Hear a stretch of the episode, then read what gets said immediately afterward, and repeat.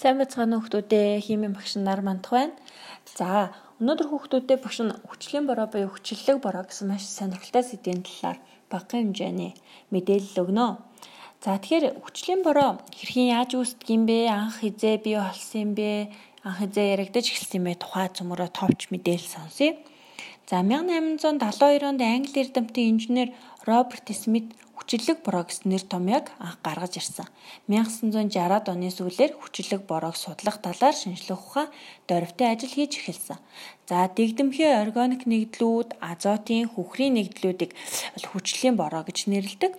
За их булаг нь бол агаарын мандалд бохирдуулагчийг үүсгдэг. За хүчлийн бороо бол бидний хамгийн сайн мэдэх одоо хүчлэг, шүлтлэг, суурлаг гэж байдаг тийм үү? За тэрний тэгвэл 5-аас бага хэмжээтэй байдаг байна. За энэ үзүүлэлт нь бол байгалийн нүүрс хүчлэнхий хөхөр азотын нэгдүүдийн хэвийн хэмжээндээ байгаа нөхцөлд агаарын усан тусалд тэдгээр нь уснаар үүсэх хур дундас хүчлэг шинжийг байгалийн болон хүний зүгээс үзүүлэх хүчин зүйлийн улмаас нэмэгдэж болдог. За ургамлын нөмрөг хөрс гадаргын усанд хүчлэг борооны үзүүлэх нөлөө тогтоох нь бол маш төвөгтэй асуудал байдаг.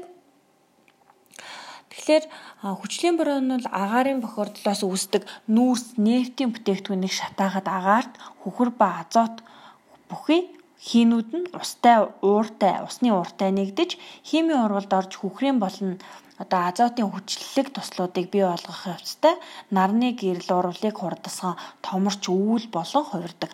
Үүний үр дүнд үүссэн их хэмжээний хөхөр азот агуулсан бороог хүчлийн бороо гэж нэрлэдэг. Хүчлийн бороо нь зөвхөн үүссэн газартаа орохгүй салхиар дамжаа алс хол газар нутагт хэдэн километр ч зөөгдөж орж болдгоо. За тэгэхээр хүлэмжийн хийний талаар бас жоох ойлголт өгье. Агаар дахь нүүрс төрөгчийн нийтлэл бол дулааны цацрагийг шингээх чадвартай ийм эдгээр цацрагийг идэвхтэй хийнүүд нь дэлхийн гадарга гадрагдах туяа хаалт болдог. Хэрвээ агаарт хүлэмжийн хийнүүд оршдгүй байсан бол дэлхийн дундаж температур одоогийнхоос хасах 200 градус орчим байх ус. За тэгвэл дэлхийн дундаж температур л нэмэх 10 байдаг. Дэлхий дээрх амьд оргины зам оршин тогтнох боломжтой мод ургах за өөр те бусад ургамал ургах хэвийн өсч үржих таатай орчныг бүрдүүлдэг. Ийм агаар мандалдах хүлэмжийн хинүүд нь тийм хортой биш байдаг бах нэ. За та нар smoke гэж мэдэх бах. Smoke гэдэг бол утаа гэсэн үг. За утааг утаа гэдэг нь бол үл үзэгдэх бохирдуулагч манан тоосны хорт холимог байгальд нийлэн тохиолдох зүйлийг хэлж байгаа.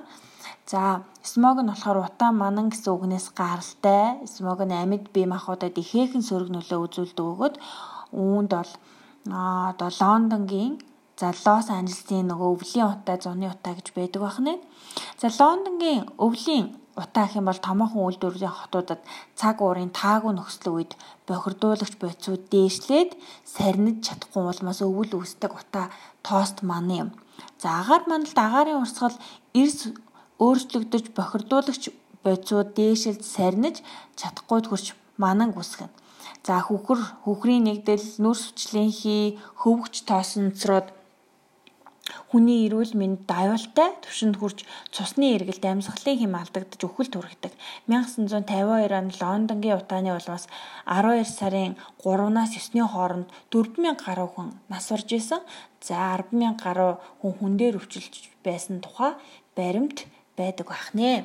За тэгэхээр хүмүүдээ сурах хүчгээсээ хүчлийн борооны талаар дэлгэрүүлж уншаарай. Ээжтэйгээ ярилцаарай.